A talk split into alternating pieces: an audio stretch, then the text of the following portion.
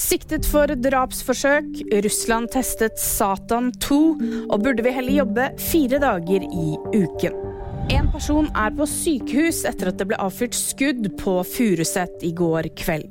Nå er en person pågrepet og siktet for drapsforsøk. Mannen som er i 40-årene sier at det var han som skjøt, men nekter for drapsforsøk. Det sier hans forsvarer Øystein Ola Storvik til NRK. Russland gjennomførte en test av et ballistisk missil mens president Joe Biden var i Ukraina. Det skriver CNN. Testen skal ha mislykkes, ifølge to ikke-navngitte kilder. Missilet, som i Vesten omtales som Satan 2, har en rekkevidde på 17 000 km og kan utstyres med flere atomstridshoder. En arbeidsuke på fire dager er mer produktiv enn femdagersuke. Det viser en britisk studie fra University of Cambridge. Ansatte som jobbet fire dager, viste en betydelig bedring i fysisk og psykisk helse, og de var mindre borte fra jobben.